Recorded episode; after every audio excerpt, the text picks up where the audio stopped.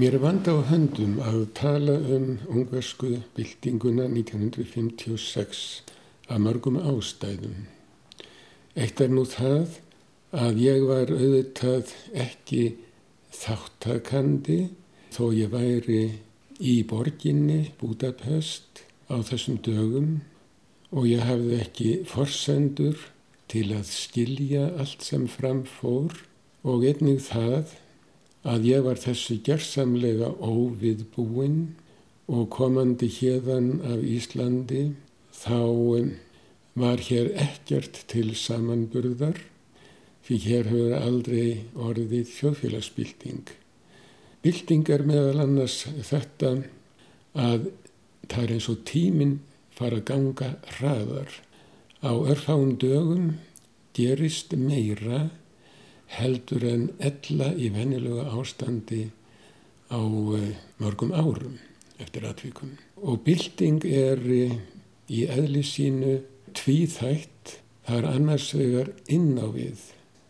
Hugarfar fólksins breytist og hins vegar út á við félagstengslinn breytast með hröðum hætti og uh, í rauninni óaftur kallanlega ef að byltingin fær að renna sitt skeið en er ekki eins og gerðist þarna stöðfuð, kæfuð með vopnavaldi í rauninni, drekt í blóði. Það er félagsvitund fólks sem eh, kemst á flug og breytist í grundvallaratriðum. Félagsvitundin en á eftir fylgir breyting á félagstengslunum sjálfum. Þetta er sjálfsbrottið og ekki stýrt eh, af neinu miðlægu valdi og allar að síst ofanfrá. Þetta tel ég að sé öðli byltingar og það var þetta sem var að gerast á þessum dögum. Auðvitað ekki án þess að það væri undanfari.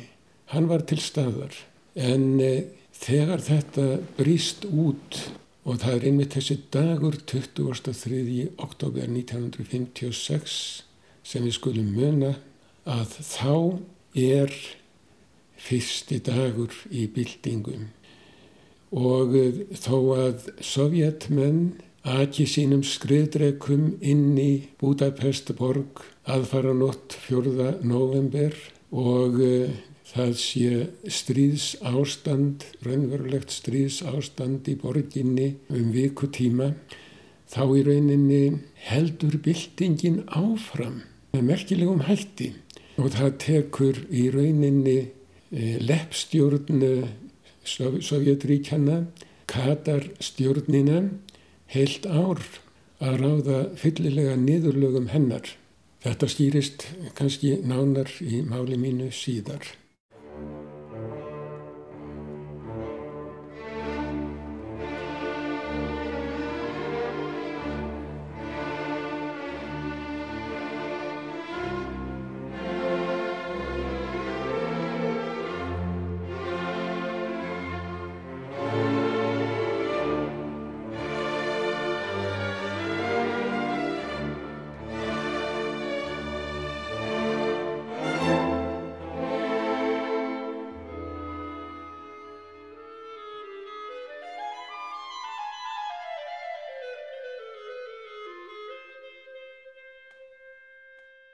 Ég sagði að við hér á Íslandi hefðum aldrei farið í gegnum byltingu.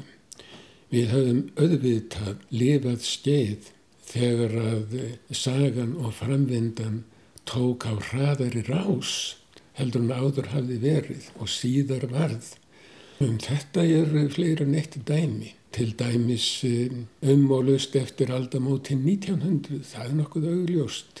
Í kjálfar breytinga í yfir stjórn landsins, samskiptum við Dani og einnig og ekki síður í kjálfar teknibreitinga. Og einnig er þetta augljóst á stríðsárunum síðari og svo eftirveitli í þriðja sinn e, nálagt og upp úr e, síðustu aldamótum. Þetta leiðir eftir hugan að því sem er líkt og ólíkt í ungverskri sög og íslenskri. Þetta eru tvær þjóðir sem byggja ólík lönd. Eh, svo undarlega vil til að stærð þessara landa annars er eigunar okkar hér og hins vegar þessa landlugta lands, ungverjarlands eins og núverandi landamæru eru, þá eru löndin um það biljafn stór. Og uh, þessi lönd eru byggð þjóðflokki sem kemur til þessara landa um svipaðan tíma, svona nálegt aldamótunum 900. Ungverjar stríðsmenn austan úr heimi eh, ráðast inn í fullbyggt og nokkuð þéttvilt land og leggja það undir sig með sínum vopnum og hins vegar eh, norrænir menn sem taka sigla hingað til þessar eigjar okkar og nema hana og skala minnis hálfu ósagt látið hvort að þeir hafi í rauninni einnig barist hér til landa og lagt undir sig og kúað eða drepið það fólk sem að hér var fyrir eða hvort að allt hefur verið eins friðsamlegt og okkur er gernd að trúa að hefur verið. Þegar framlýða stundir þá kemur í ljós að báðar þessar þjóðir eru dálítið til hendistefnu fólk og telja það henda sér að taka upp nýjan síð, nýjan átrúnað, kristni í kringum árið 1000 báðar þjóðir. Það er eitt einkenni ungverskra sögu þegar að litiði yfir hana sem að þessa pólitísku sögu sem fólki er kend að hún er uppfull af mikilmennum. Það eru mikilmenni sem að erfa völdin sem sé konungar og það eru líka mikilmenni sem að komast til valda og ríkis með list og vél og brögðum og hervaldi. En við sem betur fer í okkar sögu erum að mestu leiti laus við mikilmenni ef við skoðum málinn og það er okkar happ.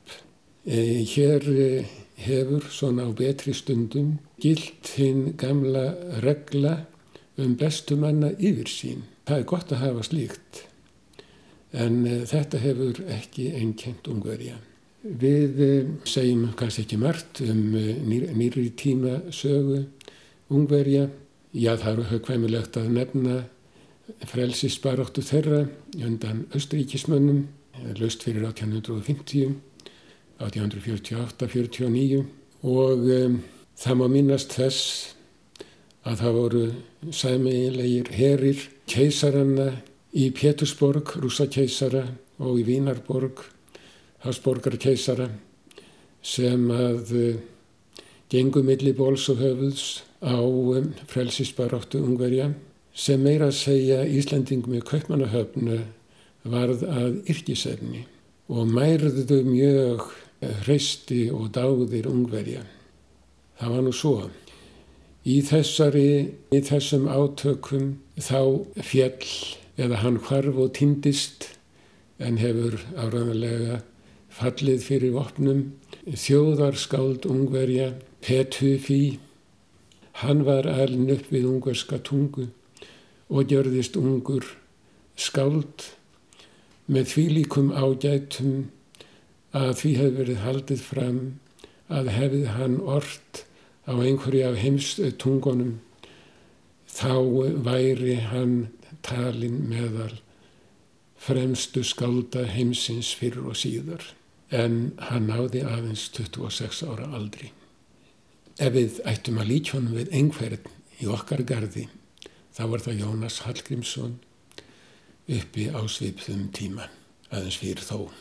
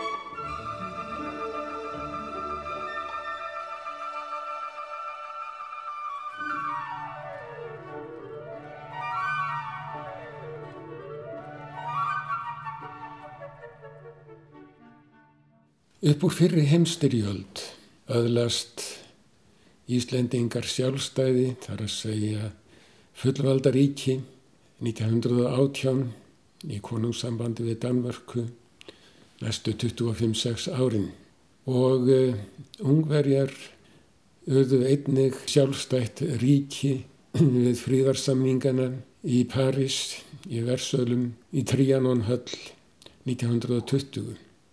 En þess minnast ungverjar ekki með gleði því að þá var landamærum skipaðað nýju og skorinn að mati ungverja nokkuð þröngt þannig að innan þessa nýja ungverjalands voru ekki lengur jaðarþjóðir, ungverjar voru ekki, voru ekki lengur um það byl helmingur af íbúum ríkisins eins og áður hafi verið, heldur voru þeir nú, já, 95% eða svo, nokkra leifar af, af, af þjóðverjum og uh, slóvökum og serbum.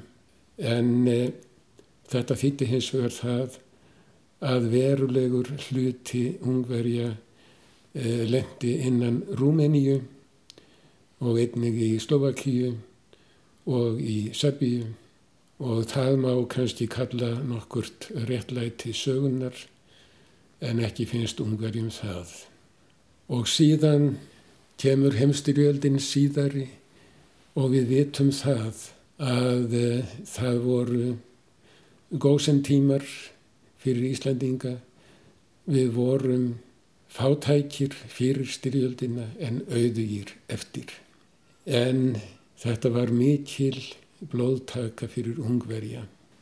Sein hefnir í sínum bandalagsmálum þá eins og jafnan áður í rauninni þá bundu ungversk stjórnvöld truss sitt við Þískaland nazismans og þeir í vonum að vinna aftur sín gömlu lönd. Gerðu út mikinn herr á hendur Sovjetiríkjónum, komust yfir Rúmeníu og langt inn í Sovjetiríkin en byðu þar herfilegan ósigur og ungverjar mistu þar um halva miljón manna, blóma síns æskulíðs. En jafnframt gerðist annað undir lokstyrjaldarinnar að þjóðverjar hertu mjög nazistar á kröfum sínum um endanlega lausni gýðinga vandamálsins. En í Ungverjalandi höfðu um 100 til 150 ára skeið verið að talsvert miklu leiti eitt af þjóðar heimilum gýðinga. Þeir samsömuðu sig ungverjum að langmestu leiti. Þetta voru ungverjar sem hafðu hins vegar þennan uppruna og nokkur hluti gýðinga í Budapest leit á samkunduðhúsið mikla sínagóguna í miðborg Budapestar sem sinn tilbeðslu stað en langt í frá allir, langt í frá. En e, þessi sínagóka er svo stærsta í Európu. Á mínum tíma þá var hún lokuð og læst og að nokkur leiti í rústum eftir styrjöldina. En hún hefur verið endur rest hálfu miljón ungverja, dýðinga, fórst í eldinum mikla sem nazistar byggu dýðingum, voru fluttir til Auschwitz aðalega og brunnu þar upp. Og, og öll landsbyggðin var hreinsuð af dýðingum. Samkundu húsin út á landsbyggðinni. Þau standa auð og jætna lokuð enn þann dag í dag. En sem um að breytta í sann og ég man eftir einni sem ég hef skoðað það sem nú er tæknisann það er nánast svípurðilegt til þess að hugsa. Það sem áður var fólk eru nú dauður hlutir Thank you.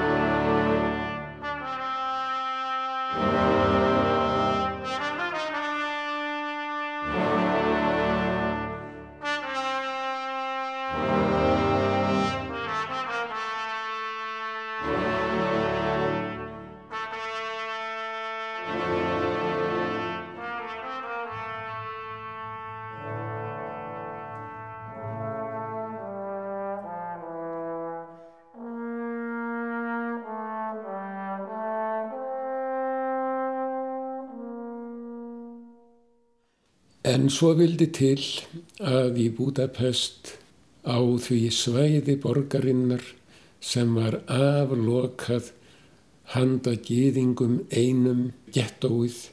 Þar gafst ekki tími til að flytja alla til Ásvíts. Eftir urðu eftir viljum 200.000 og þegar að leið að þeim tíma að rauði herin var komin inn í austurluta borgarinnar þá gaf þýski herrstjórin upp, upp á Kastalahæð þá skipun, hann var vel að merkja eski maður gestapó heldur einfallega þýska reksvýr hersins. Þá gaf hann út þá skipun til sinna manna um að eh, standa vörð um gettóið svo að örvar kross fasistænir ungversku réðust þar ekki inn opnuðu vestur hliðin og rækjuð á út í Dóná. En það var þeirra ætlun úr því að ekki tækist að koma þeim úr landi. Og þetta varð þegar að russar voru við östur hliðin voru þjóðverjar við vestur hliðin ekki svo mjög til að taka á móti rauðahernum í vopnaviðskiptum. Það var nokkur veginn vonlust heldur til að vernda gíðingana vernda þá gegn hinn sönnu umverjum.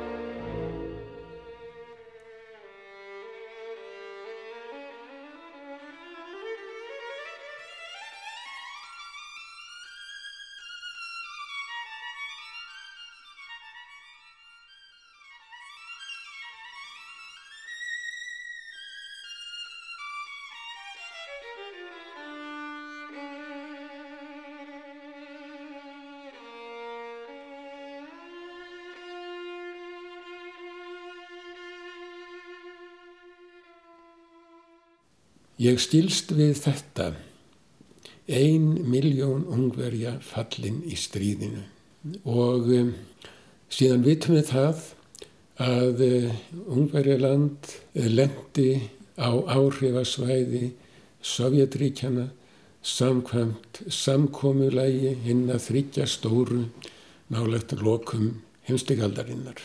Og uh, Stalin notfærið sér það svo sannarlega.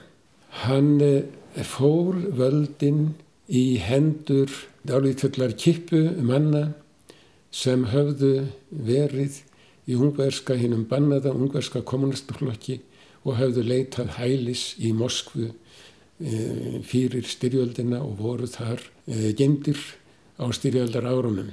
Og e, þeir skildu með uppskrift frá Moskvu komast til valda og áhrifa og það tóst þeim, það voru vísu kostningar í landinu 1945 og eftir 1947. E, það var ekki hægt vegna þrýstingsávjetríkjana að mynda stjórn án þeirra enda þótt þeir væru ekki með svo íkjamörg atkvæði, kannski 15% og allt aðrir flokkar með allt aðra stjórnmála stefnu e, væru í miklu meiru hluta. En þeir fengu þau ráðuneyti sem mestu máli skipti innan ríkis, þar að segja lauraglumála ráðuneyti og önnur slík sem mestu máli skipti.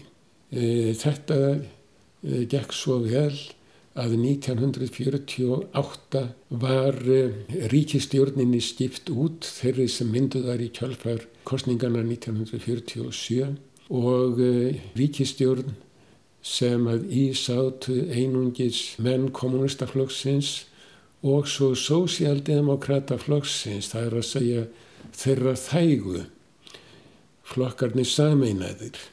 En eh, ríkistjórn eða ekki ríkistjórn skipti nú kannski minnstu máli. Það sem skipti máli var flokkurinn, flokkur ungversks verkalýs eins og hans hétt, miðstöð hans, miðstjórnar skrifstofunar. Það var raunverulega ríkisvald í landinu og þar reð ríkjum maður sem Rakosi hétt og stærði sig af því að það væri hægt að kalla sig besta lærisvein Stalins.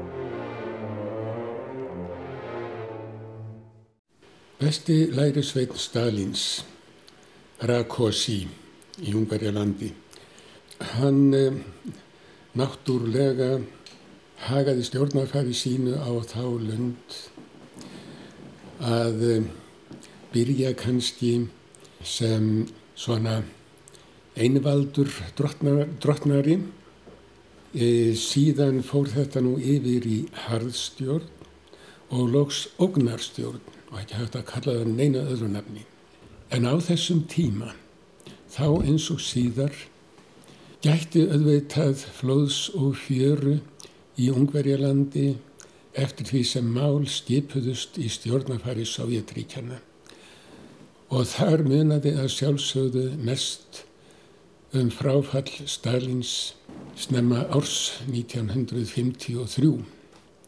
Arftakarnir voru í rauninni ótrúlega fljóttir að skipta um kurs og á útmánuðum 1953 þá kvöttu þeir á sinn fund helstu leiðtoga Ungverjarlands hinn fyrirgreinda smástalin og helstu meðriðar sveina hans.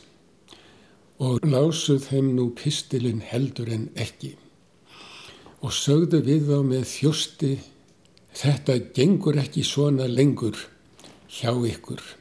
Þið eruð við það að sprengja þjóðfélagið í tællur og hvað ætlið þið þá að gera með sjálf ykkur? Þið hafið látið fangelsa ótölulegan grúa manna og uh, það má telja allt upp í eina og halva miljón yfir 15% landsmanna sem þið hafið ákært og hafið réttarrannsókn á og eftir aðtvikum demt þá hinnar verstu kárínur. Hvernig haldið þetta geti gengið áfram? Þeir eruðu náttúrulega meir og minna að gælti og þeir heldu áfram sovjetleðtogar og sögðu Þú, Rakosi, ert bæði aðstimaður flokksins og aðstimaður ríkistjórnarinnar. Við krefjumst þess að þú farir frá ríkistjórninni og það verði raunveruleg ríkistjórn í landinu en ekki bara allt í samkrölli á vegum flokksins. Og við þurfum að sjá út einhvern góðan mann sem taki við af þér. Og þeir nefndu mannin, hann vissi ekki um það sjálfur, hann satt bara í Budapest á meðan, sem var nú einn af ráðherrum ríkistjórnarinnar og var í rauninni maður sem að hafði, sem að var á meðal Moskvu kommunistana en öllum ber saman um það að hann hafi verið annarar gerðar heldur en hínir í þessari Moskvu klíku sem kalla má. Hann var sá sem hafði aðgang að fólki. Hann talaði tungutak almennings í landinu en ekki þetta undarlega má kalla sovjettungumál sem að fjell eh, heldur illa að ungarskri tungu. Þessi maður var nafnið Imre Nódi. Við konumst öllvill betur við hann ef að sagt er Nagi því að þannig er þetta skrifað og algengt að slíkt heyrist hér á Vesturlöndum. Og eh, nokkrum vikum eftir að, að þeir komu heim úr þessari stefnu þarna til Moskvu. Þá voru haldnir nöðsynlegir fundir til þess að setja hann inn í forsætisráðara ennbætti. Og sömarið 1953 heldur hann sína stefnuræðu í þinginu, í þinginu, auðvitað var e, þing landsins ekki svipur hjá sjón og í raun afar valda lítil stofnun. En eh, þetta var óhyrt að eh, valdamaður í landinu leti fyrst til sín heyra til landsmanna í gegnum ræðu í þinginu. En þetta gerði Imre Nóði og hann bóðaði miklar breytingar. Hann sagði við munum stefna því að auka matfæla vinslu og leta yðnað og neyslu yðnað í landinu á kostnað þessa dæmalösa uh, þunga yðnaðar sem við erum nú að sligast undir. Dæmi, játbræðslur, stálbræðslur, þar sem að þurfti að flytja allt inn, öll ráefni, málmanna, kólinn, óljurnar, allt sem náttúrulega gæti ekki gengið með nokkru stinsamlegu móti og var feiknarlega dýrt og sligaði þjóðarbúskapinu raun og veru. Hann sæði líka við bændur, þið þurfið ekki lengur að vera í samilki búunum, útganga er frjáls. Og hann sæði við verkamenn, við munum reyna að hækka kaup og minka álægið og hann sæði við allan almenning Hér hafa verið mörg dæmi um lögleysur í réttarfæri og í dómum. Við munum leytast við að endurskoða þetta og við eh, ætlum að opna fangabúðir og hlaupa fólki út og við ætlum að endurskoða dóma. Það brutust út mikil fagnadarlæti í landinu í raun og veru og það var hægt að fara þorp úr þorpi þar sem voru hátíðisdagar og fólk tók til sína bestu kræsingar það lítið að var og heldu eh, dansleiki þarna um hásumarið og eh, bestu bændur e, drukku sig fulla og, og, og, og það var mikið líf og fjör.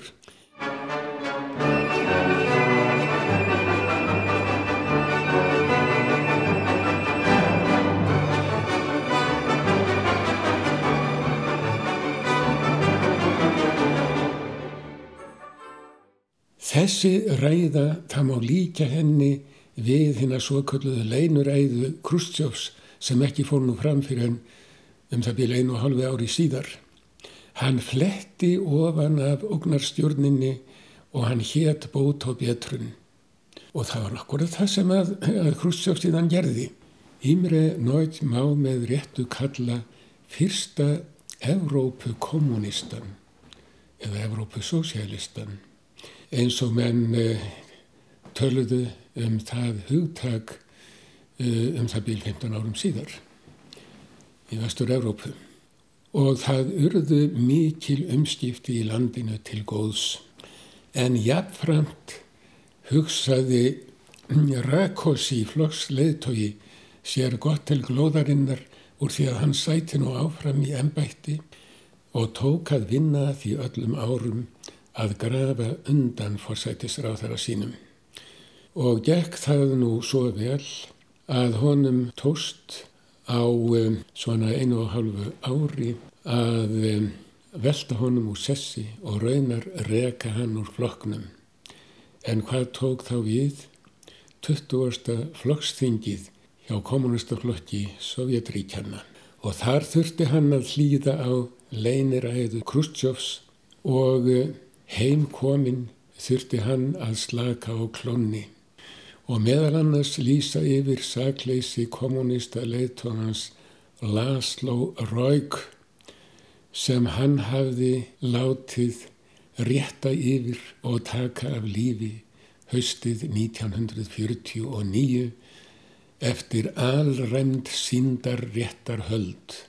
Einn þau fyrstu í Östur-Evrópu á uh, þessum árum eftir styrjöldina og líktust engu meir heldur en síndar réttar höldunum í Sovjetríkjónum á árunum 1936 til 1938.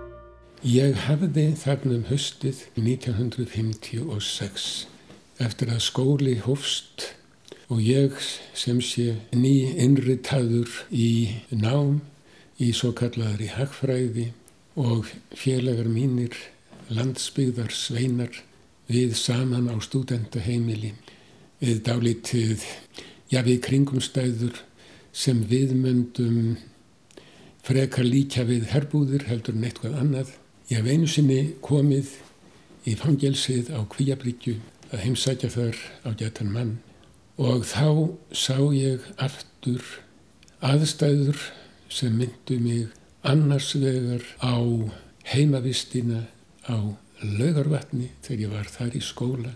Það er að segja fyrstu húsakynnin sem ég var í þar og hins vegar á stúdenda heimilið þar sem ég var í Budapest en þó held ég að stúdendaheimilið hafi verið verstur staður af þessum þremur. Ég náttúrulega fyldist með þessum nýtilkomnu félögum mínum. Þeir fóru á sem allra flesta pólitiska fundi sem þeir gáttu og höfðu mig með sér.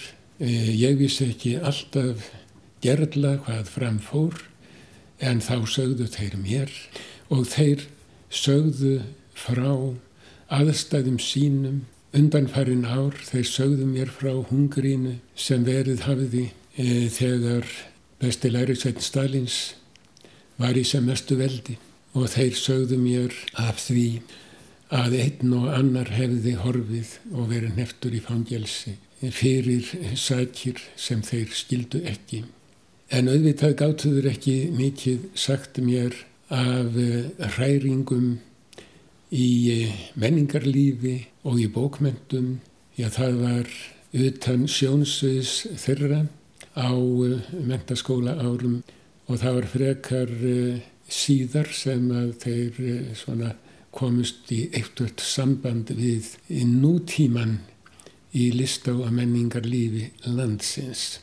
Þegar að kemur að deginum fyrsta í byltingu 23. oktober Þá höfðu verið miklir fundir þá um morgunin og einnig daginn áður.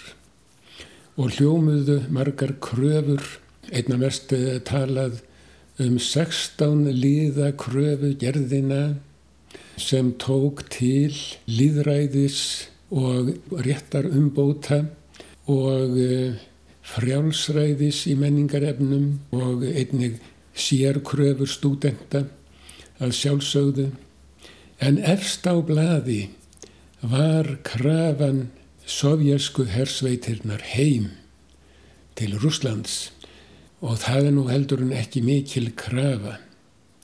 Og næst eftir alla þessa atbyrði, byltingu og gagnubyltingu af halvu sovjetvaldsins og leppstjórnar þeirra sem kend var við stjórnmálamannin Kadar, Næst þegar að þessi krafa hljómaði þá var það á hetju torgi hinn eftirminnilega endur grefturunar dag 1989 þann dag þegar að 31 ár var liðið frá aftöku Imre Nagy.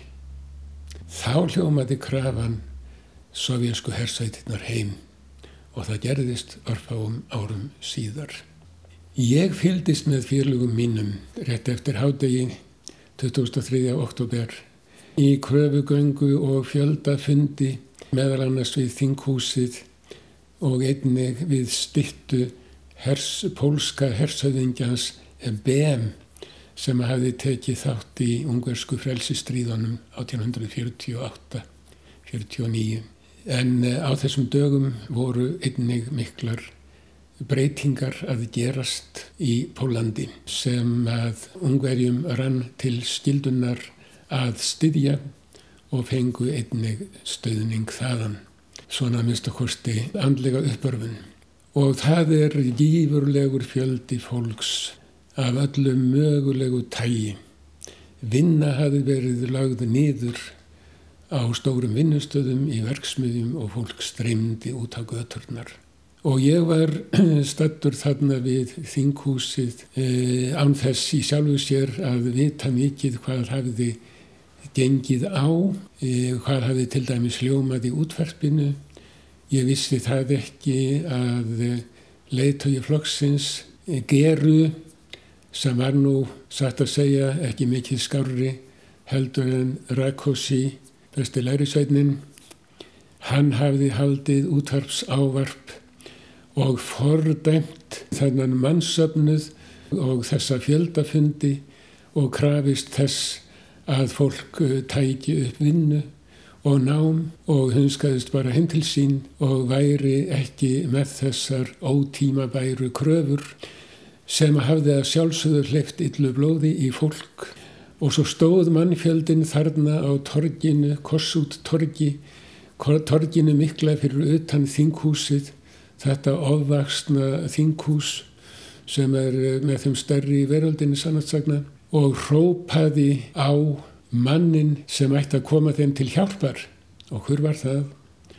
Það var fyrverandi forsætisráþara Imre Nótt, sá sem sovjetmenn hafðu kallað til til að koma á dálitlu stikki í landinu 1953 en Rákosi hafði tekist að setja til hlýðar tveimur árum síðar. En hann hafði alltaf verið til staðar og hann hafði í kringum sig þó nokkur hóp e, mentamanna sem e, létu margt frá sér fara og tví eldust eftir 20. flokksþingið á þessu ári, fyrir á þessu ári 1956 og emdu til funda á svokölluðum, í svokölluðum Petufíring þar sem að landsmál voru rætt að fylstu einurð og hreinskilni. Og þess má minnast að um sumarið 1956 þá hafði Imre Nóð orðið 60 og þá kom saman svona eins og vera sjálf, sjálfsbrottin samkoma við heimili hans í búdu og eh, vildi fá að sjá hann á tröppunum fyrir utan húsið og hildu hann. Hann er kallaður fram á þinghúströppurnar og það eru hrættir félagar úr miðstjórn flokksins sem nánast ítónum út á tröppur talaðu við fólkið og róaðu það og hann lætur hafa sig í þetta flokkshollur maður og tekur að tala til líðsins en verður það á að segja fyrst orða kæru félagar og fær frá mugnum ansvarið við erum engir félagar við erum engir félagar. Og eftir það notar hann ávarpið kæru vinir og eh, eitt var róast fólk við þetta og fólk tekur að, eh, að dreifast og fara heim og ég geri einnig svo.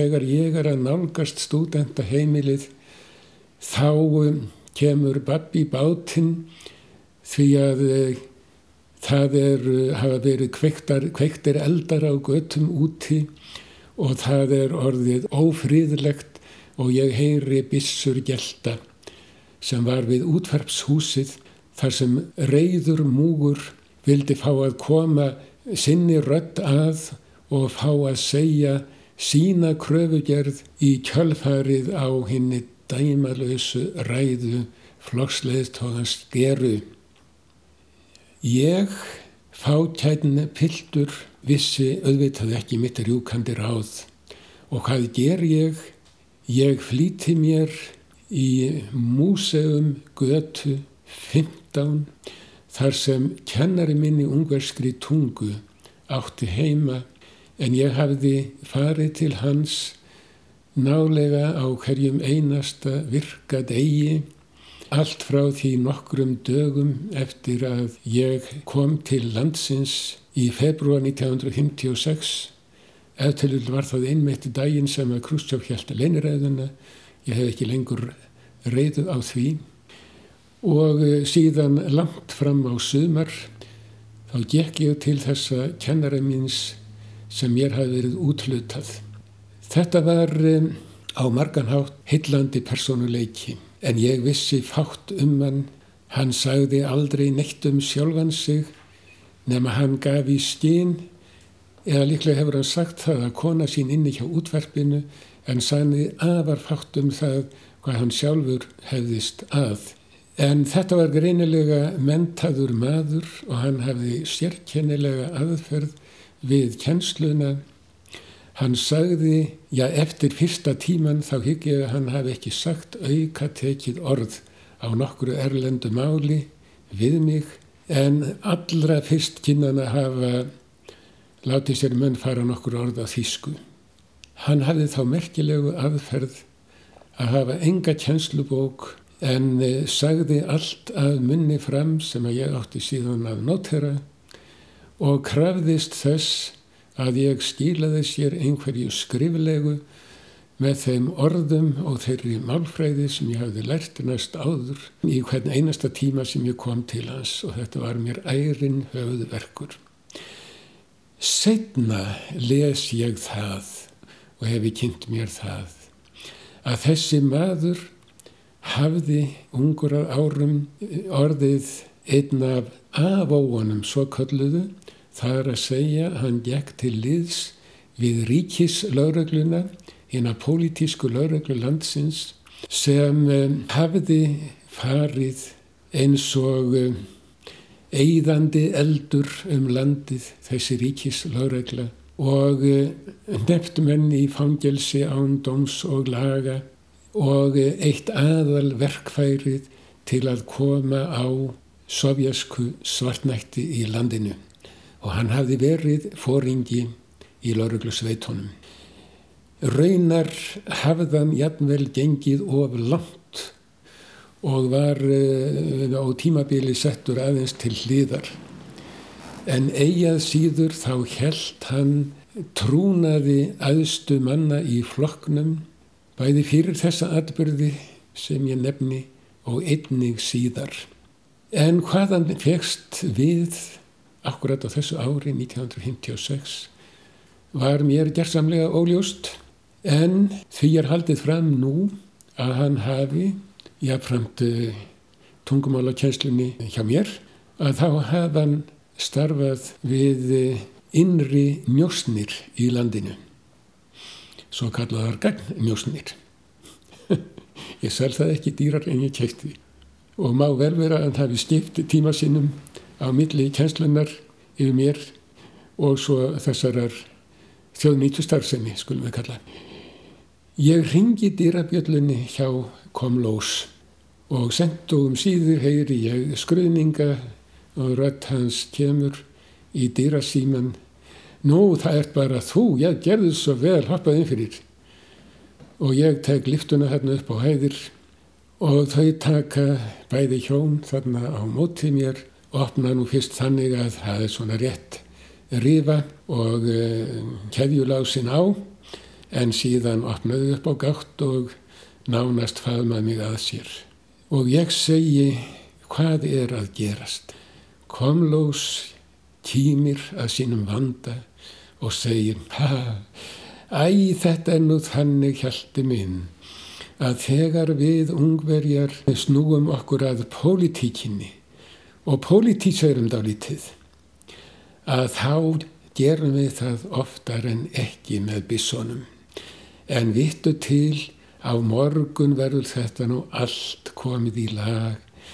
Allir ymræð nóti verði bara ekki orðin forsætis ráðherra og uh, það, þá mun þetta nú allt kyrrast, verður bara rólegur, þér er óhætt að fara bara heim og, og sofa á þitt greina til morguns, vittu til, þá verður allt öðruvísi og miklu betra ástand en verið hefur og allt mun jafna sig. Ég veit ekki hvað af þessu hann sagði þvert um hugsér en allavega let ég mér þetta að kenningu verða og fór heim og uh, síðan leið, já, upp undir tveir mánuður þanga til að ég fann hann aftur að máli. En uh, sagan segir að þau hjón hafi í rauninni á þessum vildingardögum og það er næst eftir látið sig hverfa og leitað stjóls einhverstaðar ekki veit ég hvar. Ég þykist gera mig grein fyrir því síðar og jætnvel ekki svo löngu síðar að í rauninni hafi þau verið lafrætt þegar mig barað gardi vegna þess að þá þegar þannum kvöldið 2003. oktober komu fregnir af því að æstur múgur hafi ráðist að ríkislauruglumönnum þar sem að borin voru kjensla á þá eða gáttu einangrað á og síðan ráðist að þeim og tekið á af lífi við enga miskun og hann gæt allt eins átt von á því að sá sem ringdi dýrabjöllu hjá honum væri ekki vinveittur maður